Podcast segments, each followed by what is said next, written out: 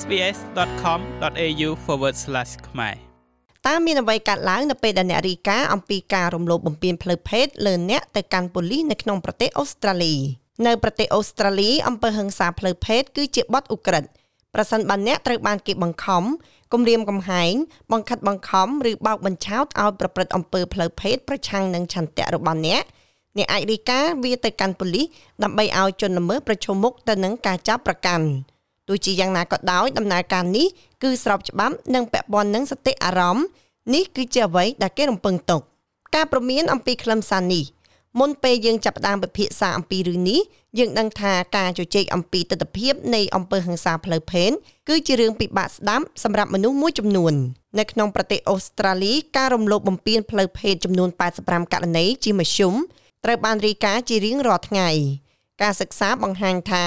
ច្រើនជាងម្នាក់នៅក្នុងចំណោម3នាក់បានជួបប្រទះការរំលោភបំពានផ្លូវភេទនៅក្នុងជីវិតរបស់ពួកគេប្រសិនបើជនរងគ្រោះដែលរស់រានមានជីវិតពីការរំលោភបំពានឬការរួមភេទដោយមិនមានការប្រឹងប្រៀងអ្នកអាចពិចារណាអំពីការរីកាពីបទពិសោធន៍របស់អ្នកទៅកាន់អាជ្ញាធរនិងបង្ហាញជនល្មើសប្រឈមមុខនឹងប្រព័ន្ធយុត្តិធម៌ប៉ុន្តែជាញឹកញាប់ការសម្រេចចិត្តនេះកើតឡើងជាមួយនឹងភាពចលាចលផ្លូវចិត្តយ៉ាងសម្បើម របាយការណ៍ខ្លះមកតាមរយៈសមាជិកឯកសន្តានហើយខ្លះមកការិយាល័យរបស់យើងដោយផ្ទាល់យើងជួបប្រទះនឹងមនុស្សម្នាក់ដែលកំពុងមានរបួសដូច្នេះកម្រិតនៃភាពងាយរងគ្រោះរបស់គេគឺខ្ពស់ណាស់នោះគឺវីរៈសេនីតូម៉ូនីកខាលីប៉ូលីសនៅរដ្ឋវីតូរីយ៉ានាងដឹកនាំក្រុមជំនាញដែលស៊ើបអង្កេតបទល្មើសផ្លូវភេទដែលត្រូវបានគេចាប់ប្រកាន់ផ្នែកមួយនៃទំនួលខុសត្រូវចម្បងរបស់ពួកគេគឺជួយជនរងគ្រោះដែលរស់រានមានជីវិត ដែលពួកគេស្គាល់ថាជាដើមបណ្ដឹងខណៈដែលពួកគេព្រៀងសេចក្តីថ្លែងការណ៍របស់ពួកគេនឹងផ្ដល់នូវភស្តុតាងយើងមានគោលដៅចំនួន4គោលដៅទី1របស់យើងគឺការពីជនរងគ្រោះនិងគ្រប់គ្រងពួកគេបន្ទាប់មកយើងត្រូវតែស៊ើបអង្កេតឲ្យបានម៉ត់ចត់នៅរបាយការណ៍ទាំងអស់ដែលយើងមានហើយជាផ្នែកមួយនៃរឿងនោះយើងប្រមូលភស្តុតាងនិងស្វែងរកថាតើឧក្រិដ្ឋកម្មនោះត្រូវបានប្រព្រឹត្តយ៉ាងណារួចយើងកំណត់មុខសញ្ញា និងចាប់ជនរងគ្រោះយកទៅតុលាការជនរងគ្រោះដែលរស់រានមានជីវិតក៏ត្រូវបានលើកទឹកចិត្តឲ្យនាំអ្នកជំនួយដែលគួរឲ្យទុកចិត្តជាមួយពួកគេទៅកាន់ប៉ុស្តិ៍ប៉ូលីសផងដែរនេះដោយសារតែដំណើរការប្រមូលភស្តុតាងនិងសេចក្តីព្រៀងសេចក្តីថ្លែងការណ៍របស់ប៉ូលីសអាចនឹងមានភាពធូរស្រាលឡើងវិញ។ ខ្ញុំរំលឹកអ្នកស៊ើបអង្កេតរបស់ខ្ញុំគ្រប់ពេលវេលាថានៅពេលដែលពួកគេនិយាយទៅកាន់អ្នកប្តឹងពួកគេត្រូវតែចំណាយពេលបន្តិចដើម្បីចាំថាការមកដល់ប៉ុស្តិ៍ប៉ូលីសអាចជាព្រឹត្តិការណ៍ដ៏តានតឹងបំផុតនិងតានតឹងបំផុតដែលដើមមិនដឹងបានបង្ហាញព្រឹត្តិការណ៍ដ៏រន្ធត់នៃការវាយប្រហារនោះដូច្នេះយើងត្រូវតែផ្ដល់ពេលវេលាដល់បុគ្គលនោះហើយយើងត្រូវតែស្ដាប់ពួកគេហើយយើងត្រូវតែបើកចំហចំពោះអ្វីដែលពួកគេកំពុងនិយាយមកកាន់យើង។ ប្រសិនបើជនរងគ្រោះបង្ហាញជូនអាជ្ញាធរនៅក្នុងរយៈពេល2 3ម៉ោងបន្ទាប់ពីការរំលោភបំពានផ្លូវភេទពួកគេនឹងត្រូវបានផ្ដល់ជូនជំនួយផ្នែកវិទ្យាសាស្ត្រប្រឹក្សាផ្នែកច្បាប់និងប្រឹក្សាផ្នែកផ្លូវចិត្តពួកគេនឹងត្រូវឆ្លងកាត់នៃការពិនិត្យសុខភាពដើម្បីប្រមូលភស្តុតាងធ្វើកសោវិច័យនេះហៅថាឧបករណ៍តាមដានការរំលោភបំពានផ្លូវភេទដោយសារជនរងគ្រោះដែលរួចផុតពីការរំលោភសេពសន្តិវៈគឺជាស្ត្រីដែលមានច្រើនលលប់ ពួកគេតែងតែសុំជួបដោយវិជ្ជបណ្ឌិតឬមន្ត្រីជាស្ត្រីប៉ុន្តែជំរឿននេះមិនមែនចេះតែកើតមាននោះទេបន្ទាប់មកដើមបណ្ដឹងត្រូវផ្ដល់សេចក្តីថ្លែងការណ៍លម្អិតរបស់ប៉ូលីសវាប្រហែលជាមិនកើតឡើងនៅថ្ងៃតែមួយទេមេធាវី Mitchell Braley មានបទពិសោធន៍ជាច្រើនឆ្នាំដែលធ្វើការនៅក្នុងសំណុំរឿងដែលមានទម្រង់ខ្ពស់ពាក់ព័ន្ធទៅនឹងបទល្មើសផ្លូវភេទ គាត់តស៊ូមតិសម្រាប់កំណែទម្រង់ច្បាប់ដើម្បីគ្រប់គ្រងឲ្យកាន់តែប្រសើរឡើងដល់ជនរងគ្រោះរស់រានមានជីវិតអំពីអំពើហិង្សាផ្នែកផ្លូវភេទ It's a very difficult thing វាគឺជារឿងពិបាកណាស់នៅក្នុងការធ្វើរបាយការណ៍ដែលជារឿងដែលពិបាកជាងនេះទៅទៀតនោះគឺធ្វើសេចក្តីថ្លែងការណ៍ ប៉ុន្តែប្រព័ន្ធនេះពិតជាត្រូវការជនរងគ្រោះឲ្យរៀបរាប់អំពីអ្វីដែលបានកើតឡើងទៅលើក្រដាស់នោះបើមិនដូច្នេះទេសំណុំរឿងអព្យាការនៅទីបំផុតនឹងមានការរើសអើងប្រសិនបើមានអ្វីបន្ថែមនៅពេលក្រោយឬត្រូវការតម្រូវដូច្នេះហើយបានដាក់បន្ទុកភ្លាមភ្លាមដល់ជនរងគ្រោះអ្នកកសែតស៊ើបអង្កេត Jess Hill បានស្វែងយល់ពីរបៀបដែលករណីរំលោភបំពានផ្លូវភេទតាមរយៈប្រព័ន្ធច្បាប់ ដែលជាផ្នែកមួយនៃសេរីឯកភាព3ផ្នែករបស់នាងគឺ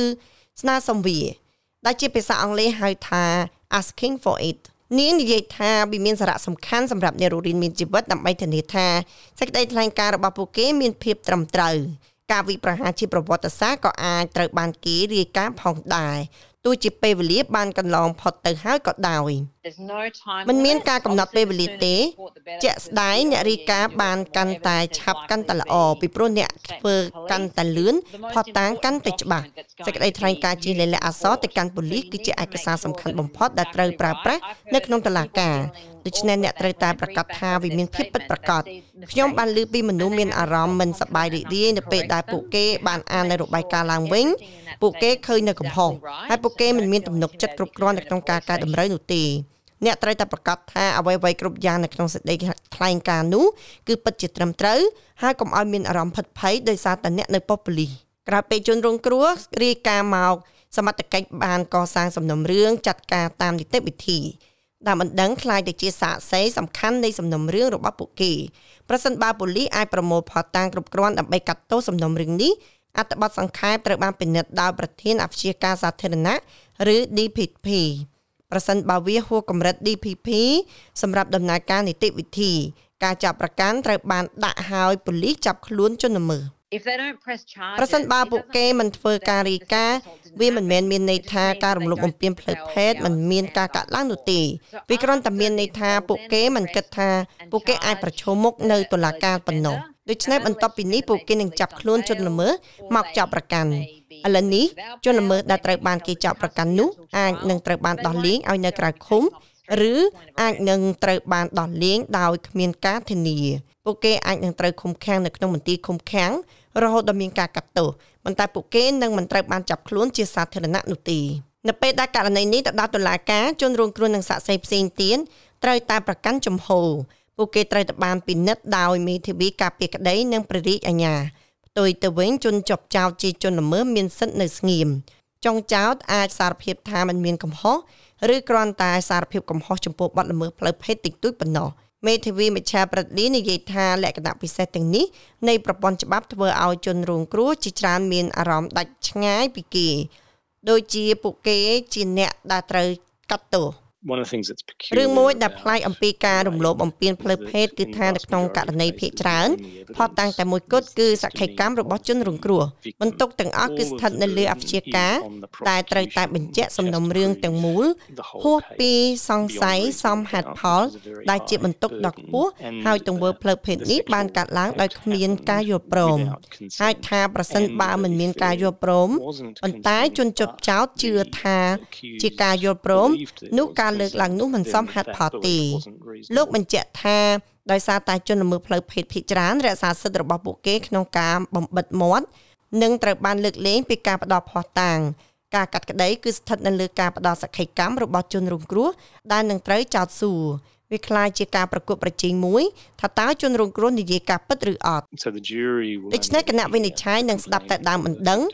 ឬរឿងរ៉ាវរបស់ជនរងគ្រោះប៉ុណ្ណោះហើយនោះគឺជាផុសតាំងតែមួយគត់ដែលជនរងគ្រោះត្រូវតែបញ្ជាក់អំពីករណីរបស់ខ្លួនដើម្បីឲ្យមេធាវីការពារក្តីបង្កើនការសង្ស័យដោយសមហេតុផលនោះគឺធ្វើឲ្យមានការសង្ស័យអំពីភាពជឿជាក់នៃសក្ខីកម្មរបស់ជនរងគ្រោះដូច្នេះពួកគេនឹងត្រូវបានគេហៅថាជាអ្នកកុហក គេជឿជាក់ថាប្រហែល90%នៃជនរងគ្រោះដែលនៅរស់រានមានជីវិតមិនរាយការណ៍អំពីការរំលោភបំពានផ្លូវភេទទៅប៉ូលីសនោះទេការសិក្សាបង្ហាញថាជនជាតិអូស្ត្រាលីម្នាក់ក្នុងចំណោម5នាក់គិតថាស្ត្រីតែងតែបង្កើតឬក៏បំភ្លឹះការអះអាងពីការរំលោភឬក៏បំពានលើពួកគេដែលជាចំនួនខ្ពស់បំផុតនៅក្នុងចំណោមប្រទេសលោកខាងលិចទោះបីជាយ៉ាងណាក៏ដោយវីរៈសេនីតូខេលីនិយាយថានាងកម្រជួបជនរងគ្រោះដែលនាងសង្ស័យថាកុហកណាស់ ពីការធ្វើជាអ្នកជំនាញលើប្រធានបទនេះបានចំណាយពេលជិតមួយទសវត្សរ៍នៅក្នុងវិស័យនេះខ្ញុំអាចនិយាយទៅកាន់អ្នកថាគ្មាននរណាម្នាក់ចង់ឆ្លងកាត់ដំណើរការនេះទេដូច្នេះគ្មាននរណាម្នាក់ចង់បង្ហាញខ្លួនឲ្យគេពិនិត្យតាមប្រព័ន្ធច្បាប់នេះទេពិនិត្យមើលពួកគេការបង្កើតបំភ្លឺអ្វីមួយវាមានភាពចម្លែកខ្លាំងណាស់ Jess Hill និយាយម្ដងទៀតថាប្រសិនបើអ្នកជាប់ចោលត្រូវបានគេរកឃើញថាមានពិរុទ្ធលើបទល្មើសណាមួយនោះជំហានបន្ទាប់គឺការកាត់ទោស ជំរឿននៃការកាត់ទោសអាចចាប់ផ្ដើមពីគ្មានការកាត់ទោសដែលបានកត់ត្រា រហូតដល់សេវាសហគមន៍ពួកគេប្រហែលជាគ្រាន់តែទទួលបាននូវការផាកពិន័យដល់ការជាប់ពន្ធនាគារដែលអាចជាការខកចិត្តផងដែរសម្រាប់ជនរងគ្រោះដែលរស់រានមានជីវិតពេលខ្លះប្រសិនបើពួកគេមានអារម្មណ៍ថាដូចជាការកាត់ទោសមិនស្របទៅនឹងអ្វីដែលពួកគេបានទទួលរង ពួកគេប្រហែលជាគ្រាន់តែទទួលបាននូវការផាកពិន័យដល់ការជាប់ពន្ធនាគារដែលអាចជាការខកចិត្តផងដែរសម្រាប់ជនរងគ្រោះដែលរស់រានមានជីវិតពេលខ្លះប្រសិនបើពួកគេមានអារម្មណ៍ថាដូចជាការកាត់ទោសមិនសមស្របទៅនឹងអ្វីពួកគេបានទទួលរងហើយនៅពេលកាត់ទោសជាធម្មតាអ្នកអាចផ្ដល់សេចក្តីថ្លែងការណ៍អំពីផលប៉ះពាល់ដល់ជនរងគ្រោះ ដែលជាពេលវេលាដ៏សំខាន់មួយសម្រាប់អ្នករស់រានមានជីវិតពីជនរងគ្រោះជាច្រើនដែលពួកគេអាចនិយាយថាតើបទល្មើសនោះប៉ះពាល់ដល់ពួកគេដល់តឡាក់យ៉ាងដូចម្ដេចហើយជាពិសេសចំពោះអ្នកដែលប្រព្រឹត្តប្រឆាំងនឹងពួកគេក្នុងរយៈពេលប្រមាណឆ្នាំចុងក្រោយនេះយុទ្ធតិកាអូស្ត្រាលីមួយចំនួនបាននឹងកំពុងផ្លាស់ប្ដូរច្បាប់របស់ពួកគេដើម្បីផ្ដល់សិទ្ធិឲ្យជនជាប់ចោទនៃបទល្មើសផ្លូវភេទដើម្បីបង្ហាញខ្លួននៅក្នុងតុលាការថាពួកគេទទួលបាននូវការយល់ព្រមជាវិជ្ជមាន មុនពេលចូលរួមនៅក្នុងសកម្មភាពផ្លូវភេទយុទ្ធតិកាមួយចំនួនក៏កំពុងតែណែនាំជំរើសរាយការណ៍អំពីការរំលោភបំពានផ្លូវភេទសម្រាប់អ្នកដែលចង់ទទួលបានបទពិសោធន៍របស់ពួកគេជាផ្លូវការ ដោយមិនចាំបាច់ឆ្លងកាត់ប្រព័ន្ធយុតិធធម៌ប្រមត្តនមានប្រព័ន្ធរាយការណ៍ដូចជា SARO នៅរដ្ឋ New South Wales ដែលអ្នករាយការណ៍អំពីការរំលោភបំពានផ្លូវភេទដែលអាចធ្វើឡើងគ្រប់ពេលវេលាក្នុងជីវិតរបស់អ្នកហើយអ្នកមិនចាំបាច់ឆ្លងកាត់ដំណើរការក្តីទាំងស្រុងរហូតដល់តុលាការនោះទេប៉ុន្តែវាបានបញ្ជាក់នៅលើកំណត់ត្រានេះគឺជាជំរើសដ៏មានប្រយោជន៍សម្រាប់ជនរងគ្រោះដែលមានការប្រួយបារម្ភអំពីការការពារជនរងគ្រោះធ្ងន់ធ្ងរផ្សេងទៀត។ very often ជាញឹកញាប់រឿងដែលលើកទឹកចិត្តឲ្យអ្នករស់រានមានជីវិតនិយាយរឿងនោះមក